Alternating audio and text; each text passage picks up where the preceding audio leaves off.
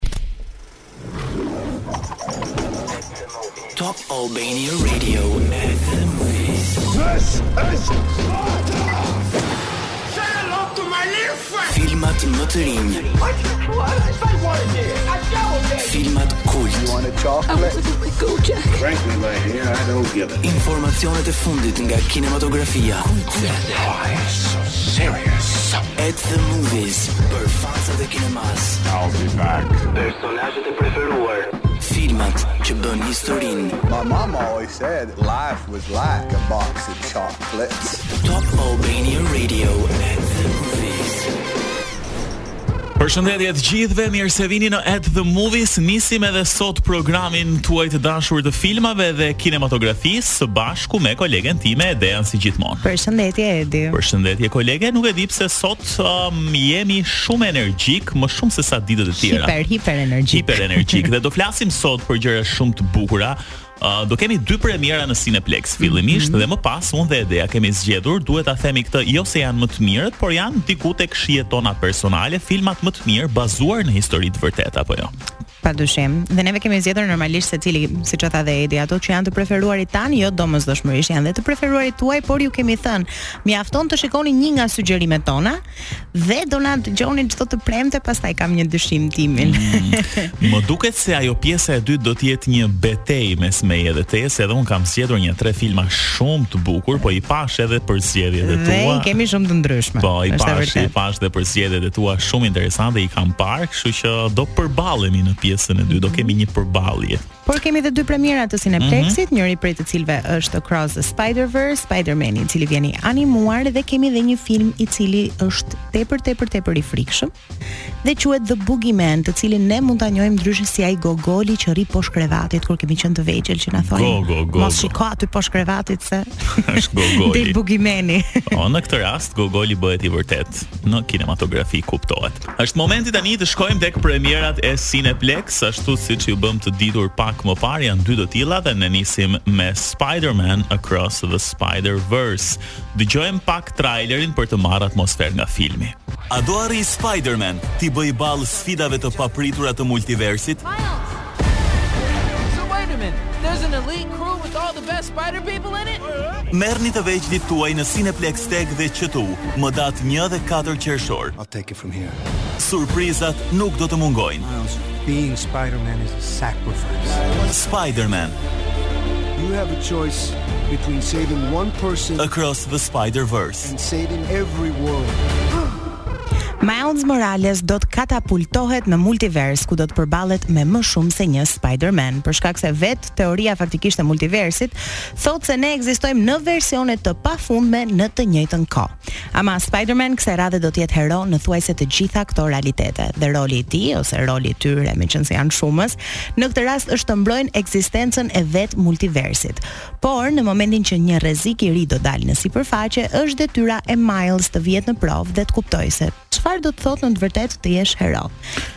Dhe duket se uh, multiversi doja të thoja është bërë mjaft i preferuar tani për ta futur po themi në skenarin e filmave. Um, Doctor Strange gjithashtu që e ka përdorur shumë um, dhe duket se multiversi është bërë po themi një nga pikat kryesore ku regjisorët po i përmbahen. Vetë filmi që fitoi çmim mos fitoi nëntë çmime Oscar që ishte Everything Everywhere All at Once flet pikërisht për multiversin mm -hmm. që është një teori të cilën fizika kuantike e ka shpallur si të vërtetë deri diku dhe dita ditës mundohet ta provojë akoma më shumë si nuk dua të them një mënyrë për të hedhur poshtë Zotin, por si diçka që është e saktë dhe diçka që ekziston, kështu që çfarë mendon ti se po bën Edi tjetër në universin paralel?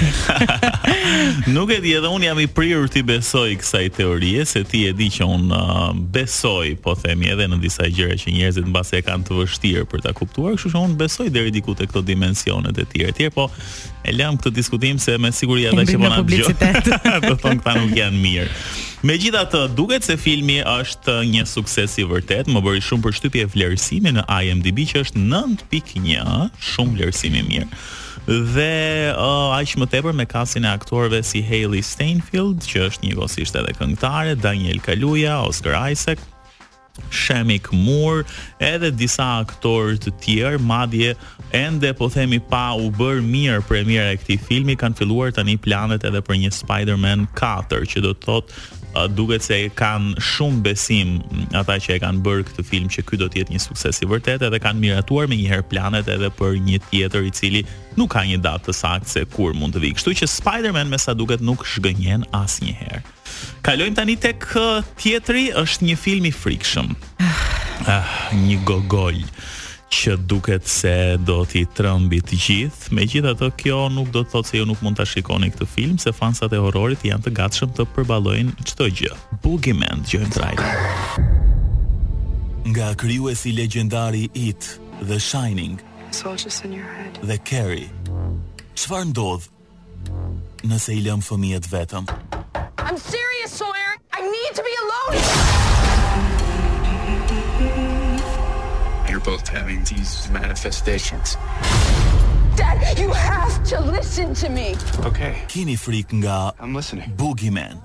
në Cineplexx TEG dhe QTU. Sweetheart, let me handle this.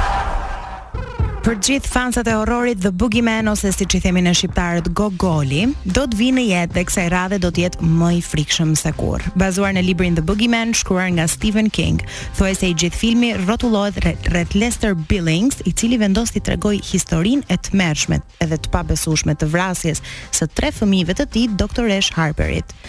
Shumë i frikshëm. Traileri një herë ishte me të vërtetë drithërues, ndërsa IMDb e ka vlerësuar me 6.3, jo keq për një prodhim horror. Um, aktorët janë Sophie Thatcher, David Dastmalchian, Madison Hu e disa të tjerë që vërtet kanë luajtur mjaft mirë, edhe e kanë bërë këtë horror të duket shumë interesant, jo si ato horrorët po themi ku ti e kupton që është diçka e sajuar, po këtu ka edhe diçka psikologjike që shpeshherë vërtet të vë para situatave të vështira dhe sigurisht nëse e shikoni vetëm këtë film me siguri do ta përjetoni më shumë. Edhe përveç se ishte bërë nga një regjisor i cili qan çdo film mm -hmm. horror që bën është bërë gjithashtu dhe nga producentët e Stranger Things. Okej, okay, një arsye më tepër përse duhet parë Boogeyman. Kështu që këto janë dy premierat e reja që mbërrijnë në Cineplexx, ndërsa tani do të jemi sërish me një kolonë tjetër zanore që vjen nga Spider-Man. Kishte shumë kolona të bukura dhe unë kam përzgjedhur disa prej tyre. Jemi rikthyer në pjesën e dytë të At the Movies dhe siç ju premtuam do flasim për filma të cilat janë bazuar në histori të vërteta.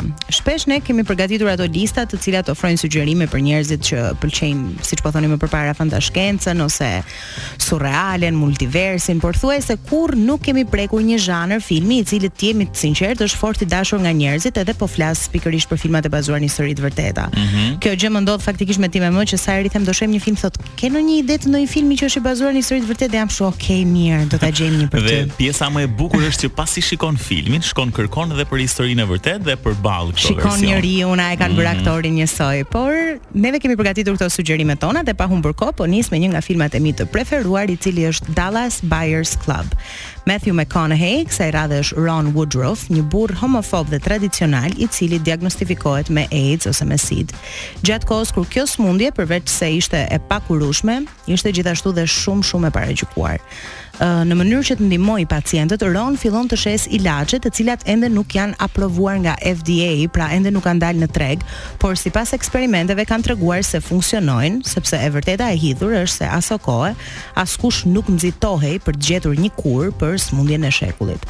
Dhe Matthew McConaughey ka rrëmbyer edhe një Oscar si aktori më i mirë protagonist për performancën e tij, do thoja super të paharrueshme krah për krah Jared Leto-s, Dhe gjithashtu, po e diskutoja pak me Edin dhe Edi mm -hmm. tha mhm. nuk e kam parë atë film për shkak se Matthew McConaughey më duket shumë i transformuar në atë po, film. Po, ka një transformim të jashtëzakonshëm, ka humbur shumë kile sa që nuk 25 kile ka humbur vetëm për atë rol. Mm -hmm. A ja vlen të humbësh 25 kile për një Oscar? Ndoshta Mendoj që ja ka vlejtur pa dyshim se është edhe një ndër filmat më të realizuar, po vërtet uh, është është krejtësisht i panjohur nëse shikon për herë të parë një personazh të tillë me mustaqe, me atë veshjen e tij western, duket si një njeri që s'ka lidhje fare me Matthew McConaughey.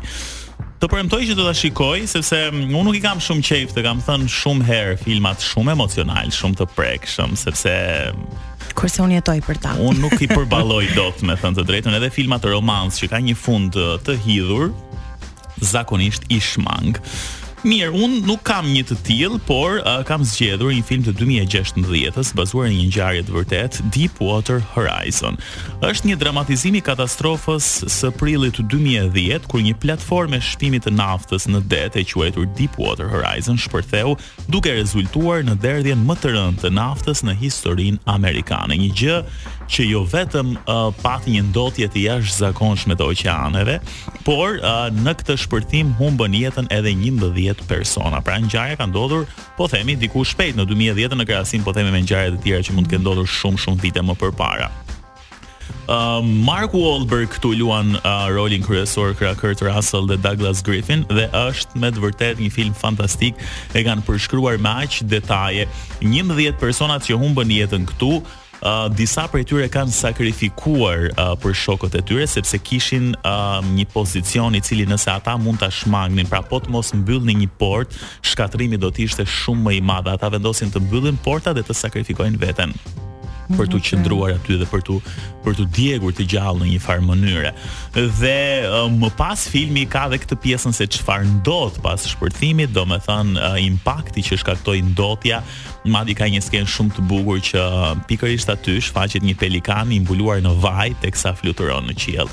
Pra dëmtimi ishte i jashtëzakonshëm, kishte viktima dhe ndoshta Um, ishte edhe një lloj, um, po themi filmi, që të bën të mendosh se sa e rëndësishme është ndonjëherë uh, po themi mjedisi në krahasim me uh, biznesin, që mund të jetë shpimi i mhm. naftës në oqean. Kështu është shumë i bukur dhe është i nominuar për dy çmime Oscar. Edhe janë pikërisht këto momentet kur organet kompetente ngrenë duart dhe ne kurrë nuk e zbulojmë se kush e bëri, shpresoj ta kemi zbuluar këtë film. Dhe ke shumë të drejtë se un harrova ta përmend këtë detaj. Mhm. Vetëm dy persona janë akuzuar penalisht për këtë gjë dhe ende nuk ka një përgjigje, po themi të saktë se çfarë ndodhi. Mirë për ty që nuk të pëlqejnë këto filma me tragjedi, një zgjedhje e çuditshme. Është është diçka që ka lidhje më me një tjetër histori, po themi jo kështu njerëzore, njerëzore. Ta zbusim pak, të kalojmë te diçka pak më fan. Mm -hmm. Një tjetër film i bazuar në histori të vërtetë është The Bling Ring, është një film i 2013-s dhe është i bazuar në një nga skandalet më pikante dhe të bujshme të Amerikës. një grup adoleshentësh me anë të medias sociale e cila nuk i ka patur ato standardet e sigurisë që ka sot, arritën të zbulonin vendodhjet e vipave gjatë gjithë kohës dhe me këtë informacion vendosnin se kur do hynin në shtëpitë e tyre për t'i grabitur. Të rinjtë nuk vidhnin për të shitur orenditë me vlerë ose veshjet luksoze, por ishin të etur për atë stilin e jetesës të cilin nuk mund ta përballonin financiarisht dhe zgjodhën vjedhjen si mënyra më e mirë drejt pasurimit. Në total, këta të rinj kanë arritur të rrëmbejnë afro 3 milion dollarë në para të thata, themi ne, mhm. dhe pafund veshje, bizhuteri dhe orendi të shtrenjta, gjë që i çoi drejt burgimit për më shumë se një vit. Ok, edhe ky më tërheq shumë, nuk e kam parë The Bling Ring dhe as nuk isha informuar për këtë skandal.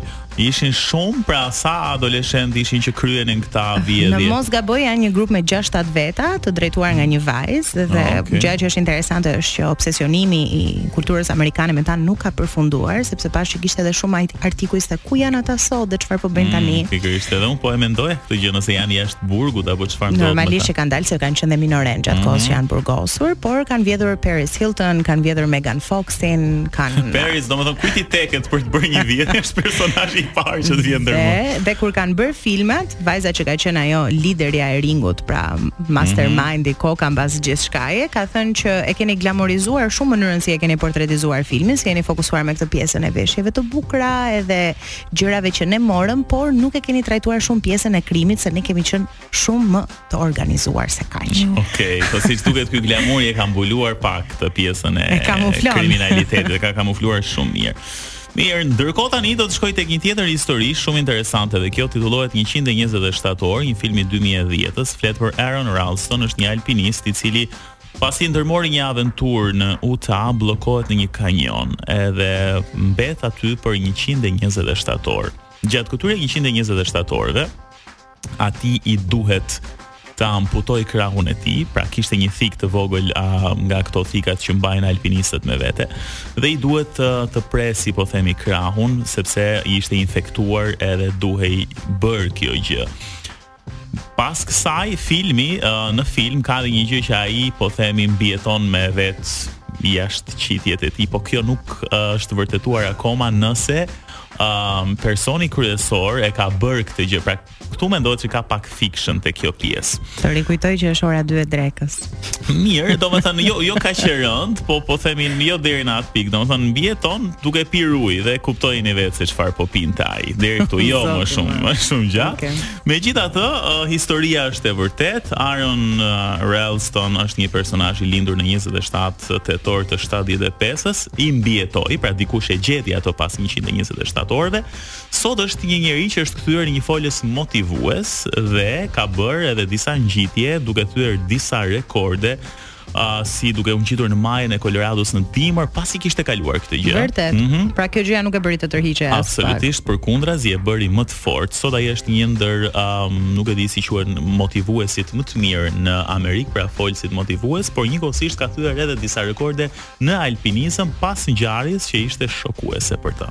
Ndonjëherë ajo sfida për të mbijetuar dhe sakrificat që bën të shndërrojnë vërtet po, në njeriun që ti supozohet të jesh. Edhe në rolin kryesor është James Franco, i cili e ka luajtur perfekt këtë film. Një tjetër person i cili zgjodhi vetminë është Liz Gilbert, e cila ka shkruar dhe librin Eat Pray Love. Mm -hmm i cili gjithashtu ka sjellë një film shumë të bukur që quhet përsëri Eat Pray Love i luajtur nga Julia Roberts.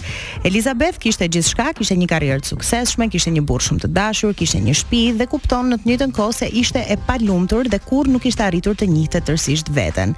Kaloi këtë krizën e saj spirituale në një moshë të mesme dhe vendos që të shkojë në Tre udhëtime. Si fillim vendos të shkojë në Itali, ku do ta gjejë veten duke ngrënë pafundësisht. Mm, Ndoshta kjo është rruga e parë e lumturisë, më pas shkon në Indi dhe më pas në Bali. Është shumë i bukur. Unë e kam parë këtë film edhe ka imazhe të jashtëzakonshme dhe një lloj paqeje, aq më tepër Julia Roberts uh, i qan këto lloj filmash. I fundit fare vetëm uh, shkurt është um, American Sniper i 2014-s flet për historinë e vërtetë të um, Chris Kyle, një snajperist amerikan i cili theu rekorde në katër turne që shkoi në Irak, vrau dyqind e pesëdhjetë e pesë persona. Snajperisti më i mirë që ka pasur SHBA-ja ndonjëherë. Dhe uh, American Sniper uh, është sigurisht një biografi që flet për këtë luhet uh, nga Bradley Cooper, një performancë e jashtëzakonshme. dhe flet për uh, dilemat, shpesh herë ky snajperist vihej përballë zgjedhjeve shumë të vështira, një ndër skenat më të bukura të filmit është kur um, janë disa fëmijë në mos gabojmë. Duke qelluar dhe del një fëmijë me një predhë në dorë dhe domethënë zgjedhja ishte tmerrsisht e vështirë dhe ai me të vërtetë mori shumë medalje për këto vrasje, por um, shëndeti i tij mendor u dëmtua jashtëzakonisht shumë edhe pati pasoja të cilat i vuan edhe sot. e mbyllim tani. Shikojini këto filma sepse me të vërtetë janë shumë interesante, aq më tepër bazuar në histori të vërtetë. Bad Girls nga The Bling Ring kuptohet lehtë se është kolona zanore e këtij filmi. Ndërsa ne jemi drejt fundit të programit për sot, kemi për të shpallur edhe një fitues të kuicit të javës që po lëmë pas. Unë u fiksova shumë me The Wolf of Wall Street dhe me atë skenën të cilën e shpjegova në detaje.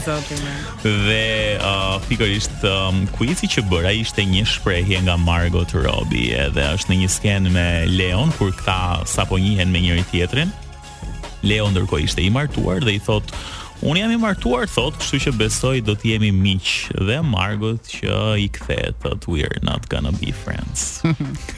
Aty ti re brenda me Margot Robin. Aty është brenda dhe kjo është shprehja që unë uh, kam përzgjedhur, pra we're not gonna be friends dhe është Era e cila ka gjetur përgjigjen e saktë dhe e para dhe që bëhet fituese e dy biletave për në Cineplex për të parë filmin e saj të preferuar. Vlen për t'i kujtuar edhe të gjithë dëgjuesit tanë se për filmin Spider-Man Across the Spider-Verse do të ketë shumë surpriza, shumë evente me datë 1 dhe me datë 4 qershor. Nëse keni të vegjël, nëse keni nipër, mbesa, mund t'i merrni me vete dhe ata do të kalojnë një fundjavë shumë ndryshe, një kohë shumë të bukur me njëri tjetrin. Me një qershor kaloi, por me datë 4 qershor do të argëtohen pafundësisht dhe do të ketë surpriza dhe dhurata. Absolutisht. Kjo java e parë e qershorit le të themi që shkon për fëmijët, është java e tyre dhe sigurisht meritojnë për të festuar sa më shumë. Mos harroni dy premierat uh, në Cineplex Spider-Man Across the Multiverse dhe uh, kemi gjithashtu The Boogeyman. Ndërkohë do t'ju përshëndesim tani me një këngë që vjen si kolonë zanore e Fast X, i cili gjithashtu vijon të shfaqet në Cineplex, një sukses i jashtëzakonshëm. Kalofshi bukur dhe ju përshëndesim me J Balvin Toretto.